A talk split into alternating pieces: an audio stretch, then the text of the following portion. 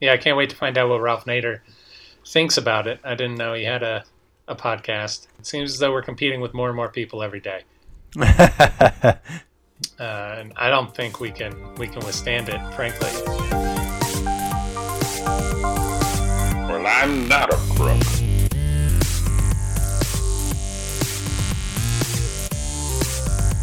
But because they are hard. Welcome to Presidential Deathmatch, the only presidential debates that matter. Today's headlines Who's a big sore loser, baby? My name is Presidential Deathmatch, and I approve this podcast. And Aaron, cut this. On today's program, we talk about which candidate had the best concession speech, Ralph Nader or John McCain. All that and more on today's Presidential Deathmatch.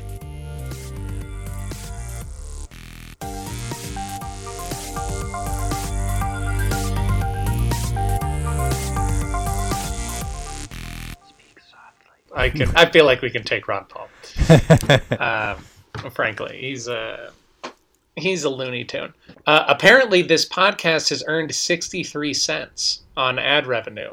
Now, I don't know which of our episodes has ads on it. I hope it's not most of them, because I don't want ads on this show. Oh my gosh. Uh, but I've been told that we've made uh, over the last two and a half years 63 cents off of the ads on our episode. So that's pretty exciting. Wow. Well, you know who'd be annoyed with us is Ralph Nader. All Yeah, those friggin' yeah. corporate payouts. Well, we haven't received it, Ralph. We can't we can't keep the people from throwing money at us. yeah, exactly. I suspect it's the sort of thing where we have to earn some amount of money before we can take it out. And we're definitely not going to do that before December 31st. So. When the whole thing implodes. Well, uh, it, it shuts down January 31st, but they disable ads at the end of December. Oh, okay. Well, they gave it their all. But they did, they did, and uh, we're on a, a timeline, so we we should begin. Today's going to be a low energy. Welcome to Presidential Deathmatch. Today is going to be a, a low energy. My car is probably filling up with water as we speak. I can do very little to stop it. oh no. Yeah, the the window broke this morning and it's raining very hard in Houston and has been all day. So like, well, gonna have water in the car. There's really Oh, no way around that. Well, we know that your car can handle it, I guess. That's true, as long as it doesn't get in the roof, uh, which unfortunately is where the rain is coming from. So we we will find out. Also, Oh, no. uh, everyone can can hear this is uh, I'm on location today. My microphone isn't as good. Um, yeah, But- but it's fun for the theme because That's true. you're a shepherd. yes, uh, a And famous we're doing- conceder. Yes. I'm sure. Dennis, we're talking about concessions and concession speeches this week. Well, I think that was clear to everyone Yeah, from for that sure. excellent segue that we just did. Yeah. hmm hmm And they read the titles. And and that's interesting. As we record this episode, we're we're recording this episode a bit uh, later than we usually do. So it's Monday, November 14th. We're probably going to release this on the 16th if all the editing comes together in time. We are about a week, just shy of a week out from uh, from from the election, the midterms, the 2022 midterms, uh, which means that there's a lot of conceding going on. Now, as it happens, we're still in the middle of the election, which is a bit surprising, owing to uh, some tightly contested races in a number of locations. Very exciting stuff for, for political types, as well as just uh, integrating the understanding of ranked choice voting into our lives, because Alaska uh, has not and will not call any of their races until they determine whether or not they need to go through a round of, of instant runoff.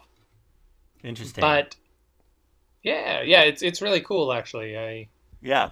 um, there are a number of, of cool things that I think are going to happen. Current uh, Senator Lisa Murkowski is uh, running behind Kelly Toshiba, I think, or Toshikba, something like that. But she will likely, with the uh, with the second place votes, she will probably ascend the ranks and ultimately keep her seat. Yeah, and they're saying that if Senator Warnock, if if Lisa, if Lisa Murkowski wins, which I believe she will, and if Senator Warnock wins his runoff, which is currently people think is the more likely of the two options, okay. That's good. then it will yeah, then it will be the first election since 1914 in which no incumbent senator lost. Across the whole gamut. Yeah, yeah. Every incumbent who was running won their seat. Uh, again, apart from Lisa Murkowski and Raphael Warnock, as of this recording. We won't actually know until December Wow. fourth or fifth or so. It's crazy for that to be the case now, when it's Yeah. like, you know, with the economy. Mm-hmm. Mm-hmm. Yeah. They uh, apparently the voters said they wanted stability in the Senate. Yeah. Yeah. They said keep them all. Yeah. We're I'll- very happy with the job that they're doing. Although they're I don't like uh, what the economy is doing. Change nothing. Yeah, yeah, yeah. Full steam the same. I don't want any acceleration. No change in speed. No change in direction. uh, but but we're going to talk about concessions. We're going to talk about the first presidential concession. Turns out that existed. Uh, the first presidential concession uh, phone call or telegram, rather. oh, Uh, so we're going to talk about that. Yeah. Uh, we're going to talk about that.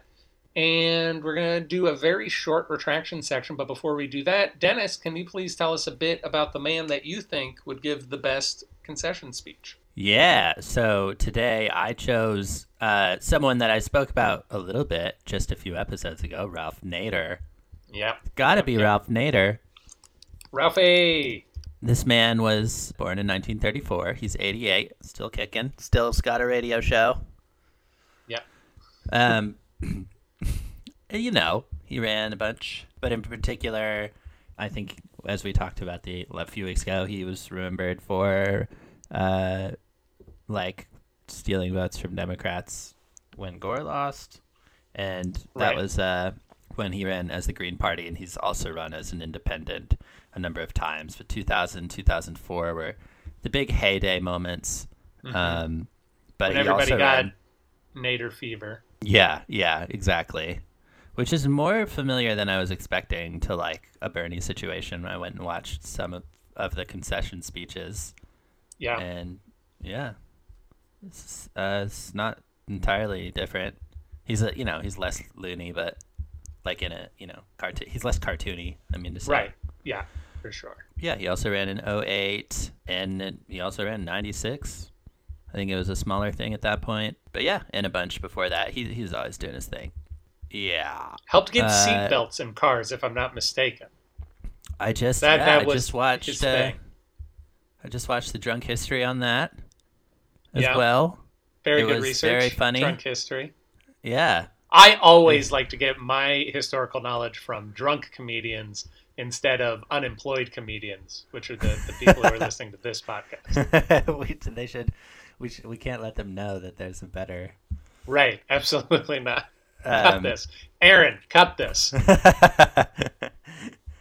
uh, it was very funny. Jason Schwartzman plays Ralph Nader, but yeah, he like had a friend who got hurt and because he wasn't didn't there was no seatbelts in his car and he looked into it and it was like these car companies doing everything they could to not to do seatbelts.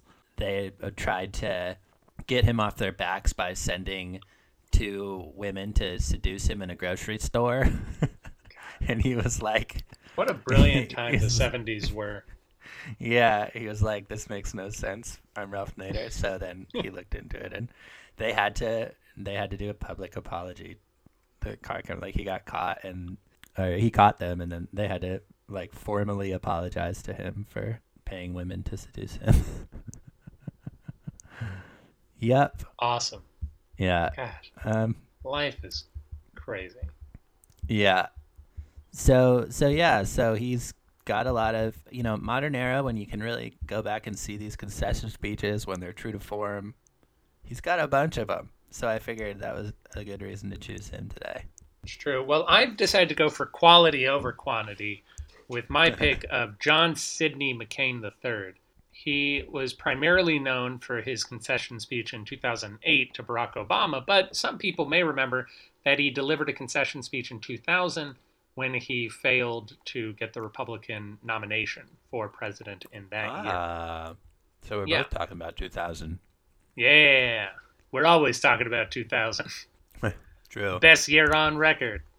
The beginning Prob- of the end. that's end. almost certainly not true. Yeah, I'm I'm fairly certain 2000 was a an average to slightly down year. Uh, dot com bubble. It's the year after the Matrix came out. So That's what I was just about to say, actually. My brother maintains that 1999 is like the greatest year in film. Mm-hmm. He Which wants to- one is this? he wants- Which brother? Craig, Okay. he I'll wants to do a podcast entirely just about films that came out in 1999. Yeah. Great idea for a podcast. Yeah, he's going to talk about Fight Club. He's going to talk about Matrix. He's going to talk about presumably uh, Tarzan. I, I can only imagine Maybe. that Tarzan's That's pretty high up on his list. Yeah. I wish I could remember some of the other ones. Uh, but John McCain, John McCain was, of course, a longtime senator. He was born two years after Ralph Nader, but died four years ago due to brain cancer. Sadly, Yeah. he was, yeah, he was um, senator from Arizona since 1986 until his death in 2018. He was reelected five times or six times. I I don't know whether he was elected six times or reelected six times.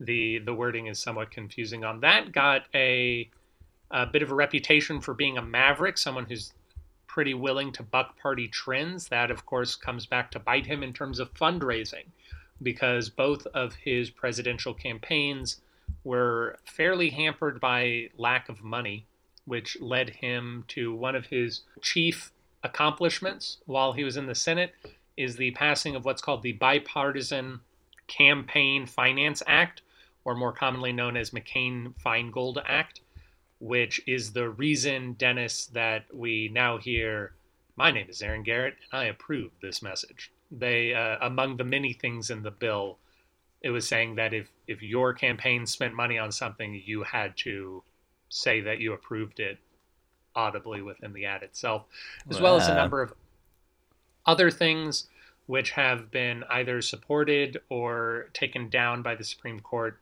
over the last 20 years since its enactment.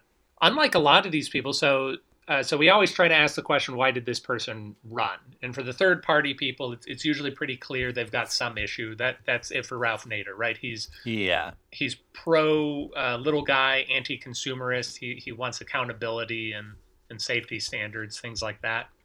Yeah, we're in the friggin' hands of the friggin' corporate freaks. Yeah, direct quote. Yeah. I know that some people think that that sounded like Dennis. That wasn't. That was a clip of Ralph Nader outside of the first presidential debate in 2000, which of course he was not invited to because they're cowards.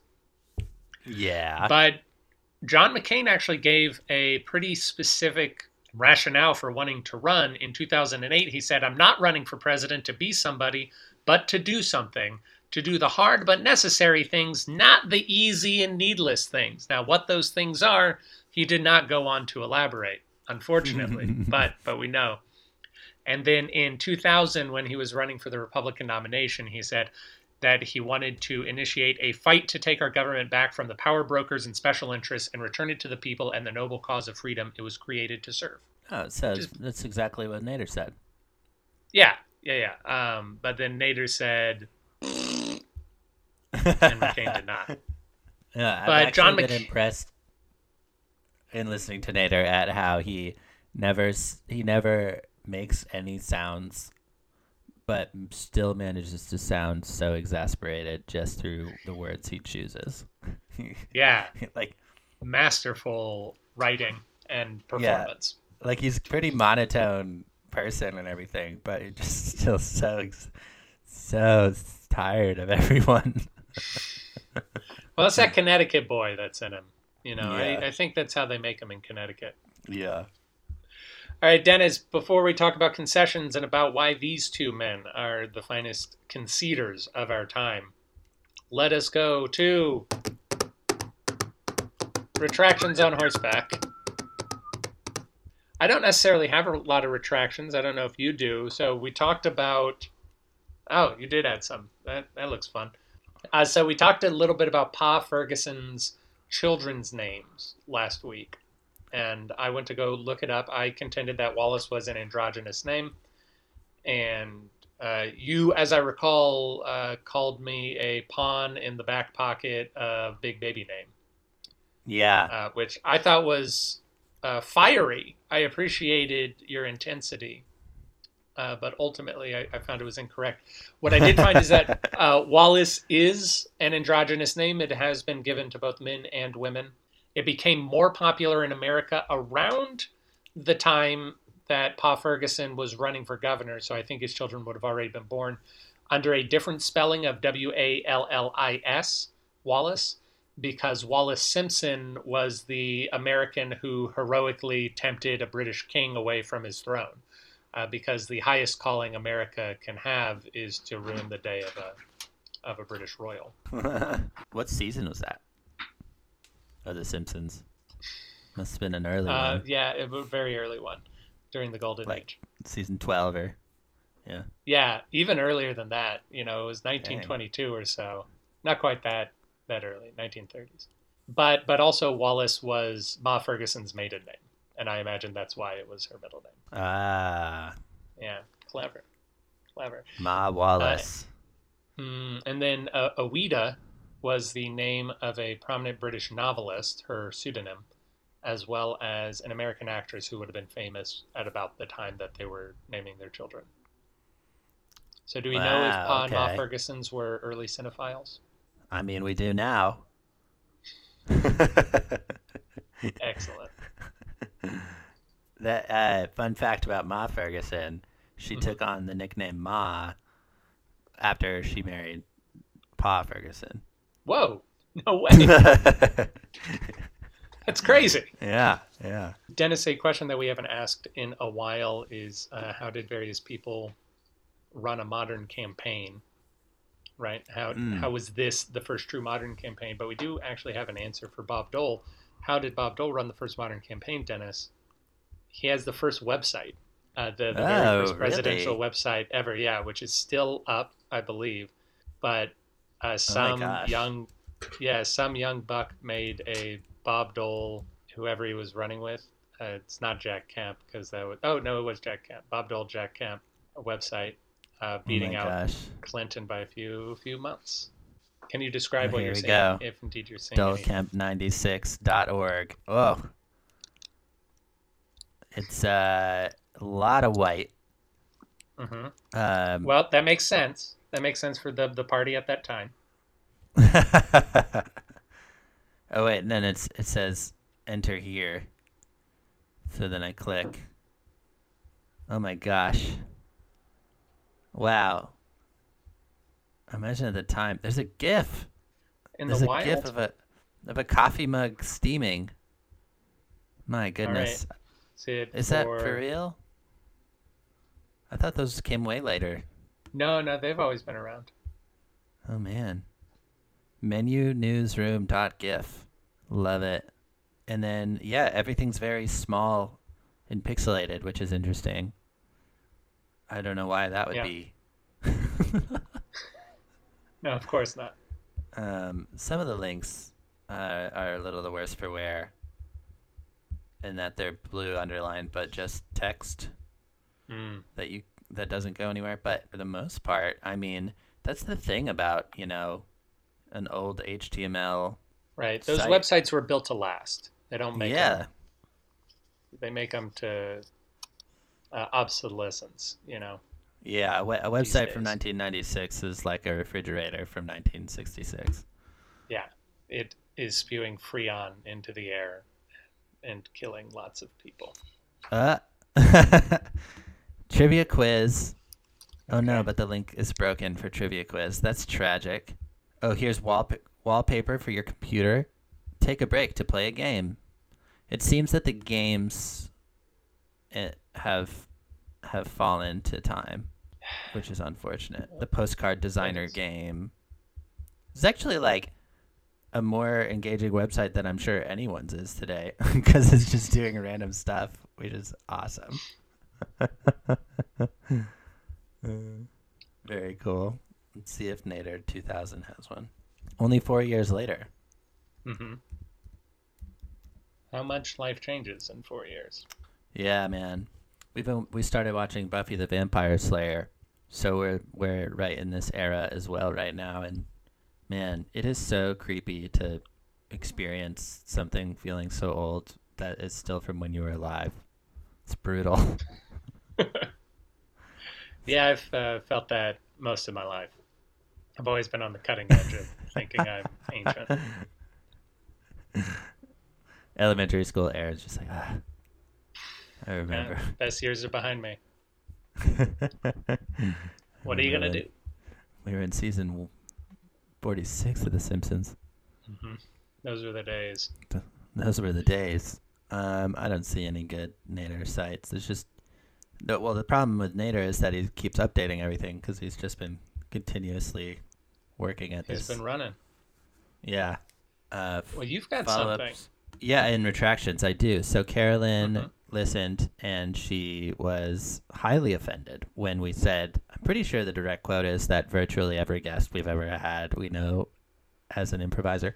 Yeah. And she said, "That is not true." And she said, "Jessica and I."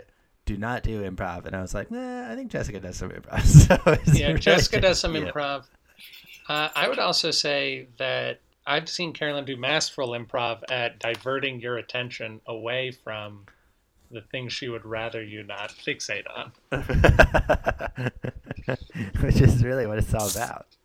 Yeah, a lot of judo throws Yeah. uh, from Carolyn. She's just secret improviser. Carolyn, it's okay to be a closet improviser.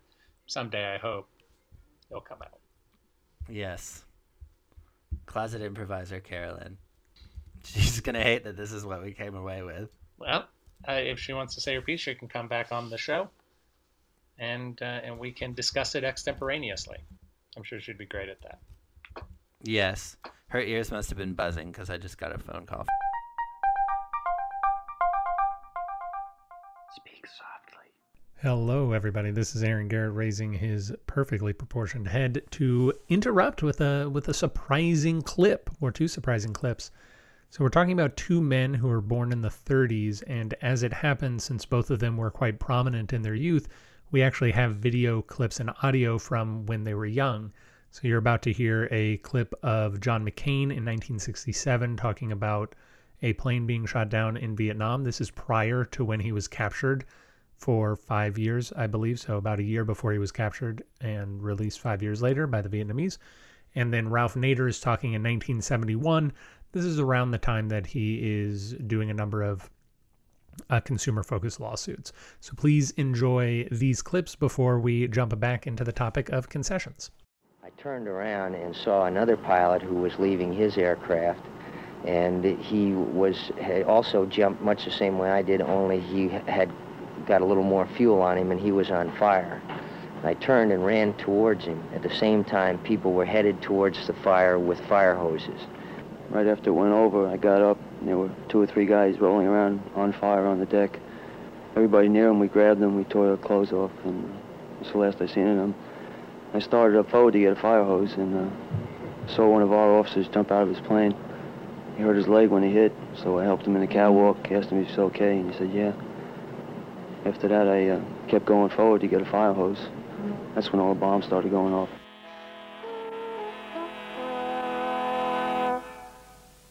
This man is not in politics. He's not a financier or a businessman.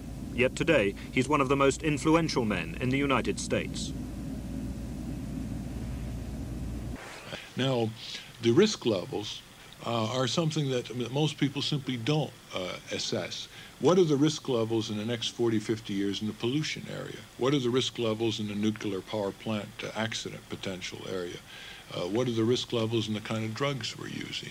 And we now not, not only have to look at the present and the immediate future, but if we're going to uh, bequeath uh, the society to future generations in fairly decent shape, we're going to have to ask who represents the unborn and who thinks about 1990 in the year 2000. All right, concessions, Dennis. So they're important, right? I feel like I feel like it's good, especially over the last couple of years, to admit when what a person is lost. Yeah. Uh, yeah.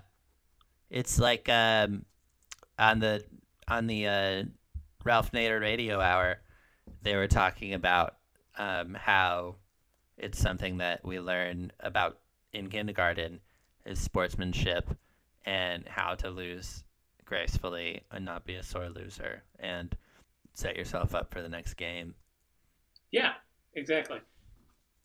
And so, would would we like to start with the um, the theory of a presidential concession, or the importance of a presidential concession, or the history of the presidential concession? Seems like a good order. Well, or we could talk about the history. Okay, cool. So, all right, so let's talk about the history. Dennis, uh, I've already told you that the first public, semi-public concession was a telegram. So the question is from which uh, losing candidate to which successful candidate? Uh, was it to Andrew Jackson? It was not to Andrew Jackson. It turns out that I, I don't believe the telegraph existed in, in 18. Oh, telegraph. Yeah, I thought you said telegram. I did because you sent Oh. A telegram through a telegram. Oh, really? It's not just a letter you make someone run like on a horse with. No, no, that would be a Pony Express. Dang. Uh. Okay. 40s onward is what you're looking for. 1840s. 1840s onward. So Jane, uh, William Henry Harrison would be our, our first guy who might have been able to receive one. What about Abe Lincoln? None of his very bitter rivals Ever decided? saw fit to graciously concede to him. Instead, they decided to start a war. that that wasn't through a te- the telegraph. I guess. Yeah, no, no. It's it's a person you've spoken about. I'm fairly certain. You also couldn't remember his name several weeks ago, so I don't know why I'm trying to get you to remember his name now. The president? No, the losing candidate. Ah, oh man, yeah. No, I, I'm I'm just hoping I can get the president. Yeah, yeah. It might be your favorite president. Rutherford B. Hayes. McKinley. No, no. I thought a different president was McKinley. It's McKinley. Oh, it is McKinley. Yeah, McKinley received the first concession. So who sent it? Oh man, I have was, no of course, idea. William McKinley, William Jennings Bryan. Ah, that makes sense for him. So William, yeah, William Jennings Bryan sent a telegraph two days after the election of 1896 saying, uh, Honorable William McKinley, Canton, Ohio, Senator Jones has just informed me that the returns indicate your election, and I hasten to extend my congratulations. We have submitted the issue to the American people, and their will is law. nice. That's how it's done. Yeah, very generous, especially from a hot-headed 36-year-old. Yeah, You know, which is a young buck in the politics game. he's probably just excited But that ultimately, I ended up re- representing like uh, one of the major parties. Yeah, because that's what they they always say. It was an honor just to run in this horrible race and to not get a victory. To waste millions of dollars of resources that could have helped people. Yes, this is my truth. but uh, I, I think that very simple paragraph gets at the heart of things. It's about the peaceful transition of power. Uh, as we're going to talk about in the elements of a concession speech, it's about providing your supporters a release to be okay with your loss. Uh, Right. be- because that's the issue. The, the issue is if the the, the people, uh, however large or small that group may have been, and of course, in the election of 1876, uh, well, in five or six elections at this point, more people voted for the other person than voted for the eventual victor. So, of course, in that case, you really want your supporters to not throw a, a fit about how the the math fell and how the map fell. And it's it's about being gracious. It's about, as Mr. Nader said, preserving yourself and your dignity for for another game. And as somebody that I was reading also said, it's about uh, turning a moment of loss into an opportunity to gain honor. Right. Yeah. Because you can either be a, a big sore baby loser. I don't know if any uh, president, uh, losing presidential candidates immediately jump to your mind when I say big sore baby loser. uh, but but it's theoretically possible. Or you can be very gracious, like John McCain. John McCain in his 2008 concession speech, which uh, I don't know how much of it I'm going to play, but I have watched it and I do have all the audio so that I can cut it in. There's actually several really lovely moments in it where John McCain mentions Barack Obama and the audience starts to boo and John McCain just sort of holds his hands up to say don't don't do that. Not not today, not right. That's not what this is about. Yeah. This is not about being angry at our new president. Let's let's simmer down. I had the honor of calling Senator Barack Obama to congratulate him. Please. Other big moments in the history of concessions. I'm quite angry that I can't get audio of any of these because you'd think it would exist. But the first radio concession was done by Al Smith in 1928, who we've spoken about a few weeks ago. And the first uh, filmed concession speech, which was played in movie theaters, was Wendell Willkie, wi- who we have spoken Mhm. about, but Andrew insisted on pronouncing his name Wendell Wilkie the entire Yeah. time, so people may not immediately recognize it. And then the first, and I actually do have a, a few clips of, of Wendell Willkie conceding to FDR. People of America, I accept the result of the election with complete goodwill. And then the first televised concession is Adlai Stevenson to Dwight Eisenhower in 1952. Uh, it's funny about McKinley because I do remember his acceptance. They also was the earliest footage of a president, and he uh, and Yeah. they staged it, and he just got and the guy goes like, "Meh, meh, meh, meh, meh," and shakes his hand. And he's like, "Meh." He hands yeah, yeah.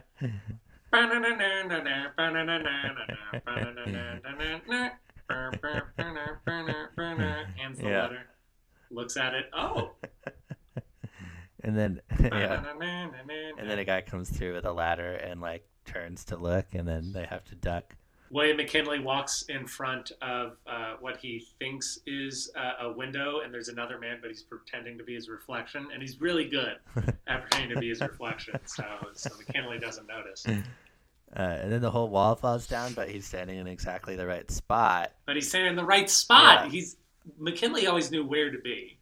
That's the thing about him. Dennis, what are the four elements of a presidential concession speech? Well, per the notes, they are um, statement of defeat, Mhm. the call to unite, And what's well, let's let's uh, spend some time. Let's digest each of these steps. Uh, statement of defeat. Uh, a I st- got a right one, statement of defeat. Why is that and I got a left one, and each of them's got their five little piggies. statement of defeat. Yeah. Oh, I see. Very clever. Very very clever.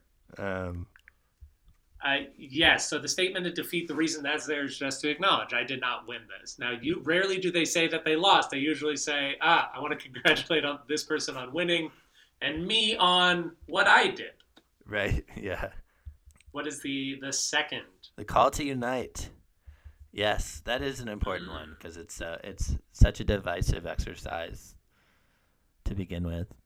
Yeah, to say let's let's come together, and I think this is going to be a good place to drop in. NBC News made a a a video, I think, of every concession, a clip from every concession from what's his name, Richard Nixon in 1960 to Hillary Clinton in 2016. If this trend does continue and uh, he does become our next president, that he will have my wholehearted support and yours. Congratulations on your victory. I will help you in any way that I can toward achieving a growing and better America and a secure and dignified peace. I have done my best. I have lost. Mr. Nixon has won. The democratic process has worked its will. It hurts too much to laugh, but I'm too old to cry. It's um, perfectly obvious that um, my voice isn't up to par. God bless you and your family as you undertake your new responsibilities. Signed, Jerry Ford. I promised you four years ago that I would never lie to you. So I can't stand here tonight and say it doesn't hurt. Tonight, we rejoice in our democracy. We rejoice in the freedom of a wonderful people, and we accept their verdict. I don't want you to be discouraged. I want you to be encouraged by what you've done in this campaign. I want the country to know that our entire administration will work closely with his team to ensure the smooth transition of power. There is important work to be done, and America must always come first. Tomorrow will be the first time in my life I don't have anything to do. Now the U.S. Supreme Court has spoken. Let there be no doubt. While I strongly disagree with the court's decision, I accept it. I accept the finality of this outcome. But it is now clear that even when all the provisional ballots are counted, which they will be, there won't be enough outstanding votes for us to be able to win. A little while ago, I had the honor of calling Senator Barack Obama to congratulate him. Please. To congratulate him on being elected the next president of the country that we both love. In a contest as long and difficult as this campaign has been, his success alone commands my respect for his ability and perseverance. But that he managed to do so by inspiring the hopes of so many millions of Americans who had once wrongly believed that they had little at stake or little influence in the election of an American president is something I deeply admire. The nation, as you know, is at a critical point. At a time like this, we can't risk partisan bickering and political posturing. Our leaders have to reach across the aisle to do the people's work. Donald Trump is going to be our president. We owe him an open mind and the chance to lead. Our constitutional democracy enshrines the peaceful transfer of power. And we don't just respect that, we cherish it. Although now that I come to think about it, Walter Mondale wasn't in there, so maybe Walter Mondale was. Uh... Uh, we determined that he was on the run, right? Like he wasn't welcome in America during that time. I think that's where we arrived at a few weeks ago, so maybe that's why. And several of those have a, a talk about we need to come together. Uh, Hubert Humphrey specifically says, uh, I, I played this clip when I was talking about Hubert Humphrey several weeks ago. It wasn't in that one, it was the lead up to it, but not the full one, where he says, We have a new president. I'm going to help him. Yeah. It's, these are making me chuckle because Nader doesn't do any of these things. Uh, we've gone from expelling King George III uh, to uh, to being under the yoke of king corporations. Yeah, well, I can't wait to find out what he Yeah. does do. Uh, the number three, the celebration of democracy, which is saying, "Hey, isn't it great that I could lose?" Ah, Yeah. I loved it. I loved it. Ah, good times. hey, and good on you for being part of it, huh? I'm- I'm glad that so many millions of people wanted to come out and say no to me. It's a beautiful thing. And I do assume that Ralph Nader does this last one, though. yeah, the vow to continue to fight. Yes. Fair enough. The loser speaks about the importance of the issues raised in the campaign and the policy their party stands for. They promise to continue fighting towards these goals. Before we move on, Corcoran, who is uh, a contributor to the Washington Post uh, or NPR, I got I got this list from NPR, says the whole campaign is a formalized warfare. The more I looked at the concession speech, the more I realized that it's an important political function. There needs to be a ceremonial recognition of an end. A white flag is, moment. It's nice. It's yeah. There's closure to to a concession speech. Yeah. Dennis, now that we've talked about what a good concession speech looks like, why don't you tell us about Ralph Nader? so I mean, it's just that it's I, it's his speeches are good, but they're um, it's just that he's doing a different thing as a third party candidate because he was running to lose the whole time. So in a way, he was successful. In particular, in 2000, he's pitching this as a success because he, shook things up more than anyone could have anticipated. Like because of the Yeah. recount and everything, and everyone was like, "Oh, Ralph Nader got in the middle of this. What a mess!" And he's like, he says in it something along those lines: "Do we show this Democratic Party that they have to change?" And everyone goes, Yeah. Um, so that's kind of the big kind of victory call that he does. But it's funny because he really he always is just so then even in that line he's like he sees it down on the piece of paper and he knows that he's got to do something a little more rousing than his normal monotone. But he doesn't really pull it off. It's very adorable. There we go. There's got out the mega party And that is one of the benefits of this Green Party candidacy because we're seeing that happen. And we invite people from all over the country to come in to the electoral arena.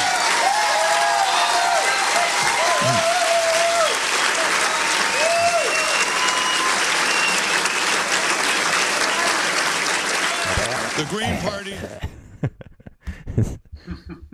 in this other moment he says something along the lines of like there's there's kids watching this right now who like I've opened the door for them to think that maybe it does make sense for them to get into politics and like you know I'm too early for this but the people that I'm inspiring won't be kind of situation Oh, that's really cool. yeah, it's it's. I mean, his his ideology and being a third party, it all kind of is like puts you in a really good position for a good concession speech because it's in a way the pinnacle of everything you were doing, rather than the concession, because cause no one was is surprised by it or anything, or no one thought that it was going to go differently. Right. No one ever thought to write a success speech for for Ralph. Right? This was always planned. yeah, he had one pocketed away, but really didn't. Um, Yeah. But that was he just was going to tear up a blank piece of paper, say that he was going to speak from the heart. yeah, because they didn't expect it. I guess just that is so funny. They're like, "What? You won? Just pretend like you rip up the speech. We don't know." What? Oh, sh- so sorry. So none of us believed in you. Some That'd be a fun museum if if a person could find all of the speeches that were never made for elections. yeah, because because the it, like there's uh, at at Nixon's uh, at Nixon's presidential library in Yorba Linda because he was the president during the first moon landing. They have a copy of both the success and the failure speech on display. oh, that's cool. Yeah. Yeah, I- that was the, the first thing I ever knew about Nixon because on the wall in our fifth grade class of all the presidents, there was an astronaut behind him, and that's why I chose him for my president report. And then I had to learn about all this Watergate stuff, and I was like, oh man. So I tried to not do a PowerPoint slide about Watergate, and my teacher was like, no, no, you you, you have to cover Watergate in your Nixon presentation. I was like, Watergate. uh, That that would be as if somebody wanted to do a report on Abraham Lincoln, just talking about how he got Oregon admitted to the Union and all of his brilliant foreign policy experience. it would be exactly like that. which I'd be on board for, incidentally, if someone wanted to do that. Uh, Dennis, do you have a we? We need to ramp up shortly here, unfortunately, because John McCain and Ralph Nader are such big, big guys. Um, but do you have any other information to drop about Mr. Nader? Um, well, one thing that came up on the Ralph Nader radio hour that I was curious to get your take on is that they were talking about whether the only way to, because you and I were talking about populism a bunch recently and how it's kind of a pejorative term, and yet there was this party, and they were talking about how the party didn't really, it was different than the word populism. It was an earlier time and stuff. Um, but they were talking about not thinking of it as a pejorative term, and that a, a lot of their take was basically that the only way to fight populism is with populism, and like that it can you can get to a place where you're just everyone's constantly trying to like be take the higher ground, and it just never works, which I thought was interesting, but I was I was I was like I want, I don't know if I agree, and I was curious what you thought. Because I definitely see their point that like if someone is more entertaining, then they will get more votes. So do you just have to be as entertaining as they are? Well, so uh, thankfully, Dennis, we just had an election which largely disproves that entire. yeah, I guess so. The midterms. Yeah, so we had a lot of people trying to be flashy or trying to be extreme, trying to be a little bit more populist, and a lot of them, the majority of them, did not succeed. Now, there were some notable successes, Ron DeSantis in Florida being a major one.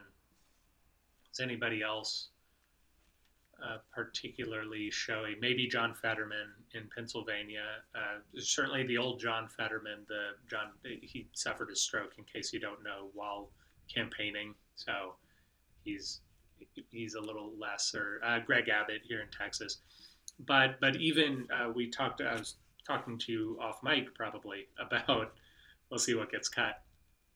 About how Arizona is still in the midst of their election, and that's actually the entirety of the Arizona gubernatorial election right now. Is that Kari Lake, the Republican candidate, is a former news anchor who is making everything about entertainment, presentation, uh, being a face Mhm. and being entertaining.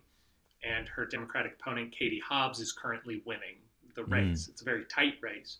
And most people didn't expect Katie Hobbs to win for exactly what you were just saying that this person is more entertaining and that person's going to get more votes. But uh, I think that there is a certain, uh, well, hopefully, at least, I, I think that Americans are wising up to that at least a little bit because they know that those people don't do well in government afterwards.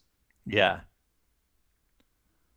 It's it's a strategy, but I think it's a strategy with diminishing returns, and it's one that you have to follow up with other sorts of successes if you want to maintain. If you look at all of the big populists in history, Joseph McCarthy, and by history I mean uh, history in America, uh, Joseph McCarthy ended up losing his Senate seat.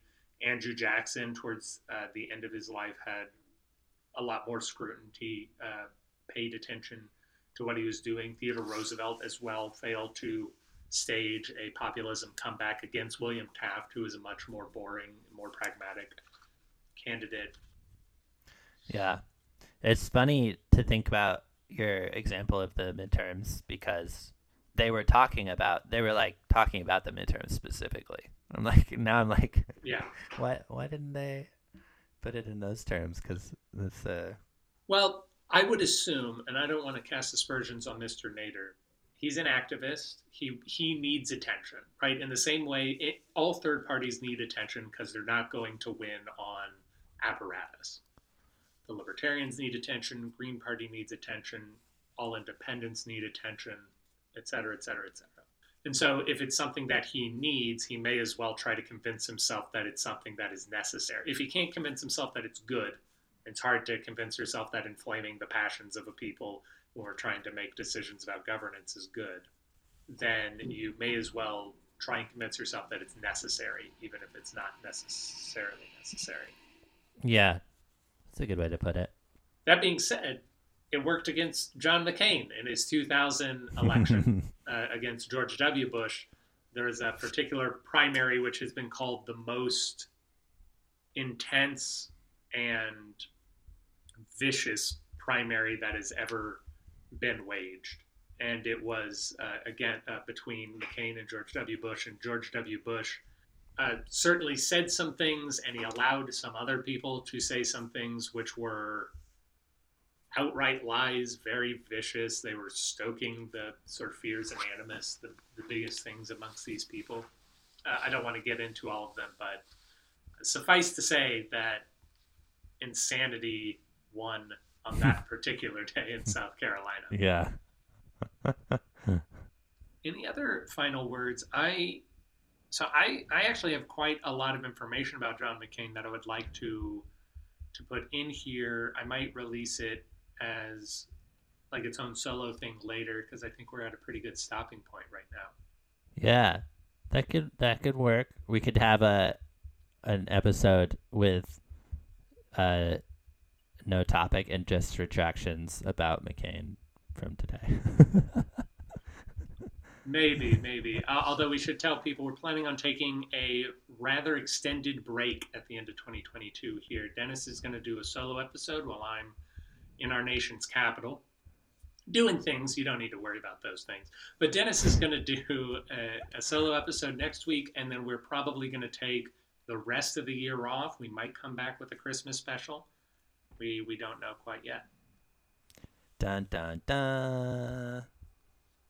As I have often in this campaign, to not despair of our present difficulties, but to believe always in the promise and greatness of America because nothing is inevitable here. Americans never quit.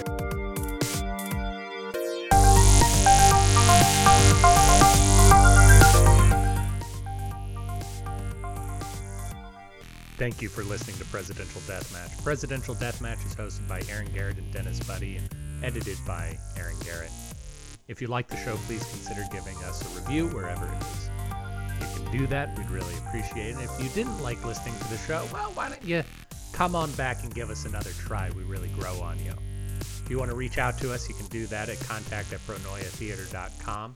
You can also support the show in a variety of ways, including at pronoiatheater.com slash store. We hope you enjoyed it, and we hope to hear from you soon.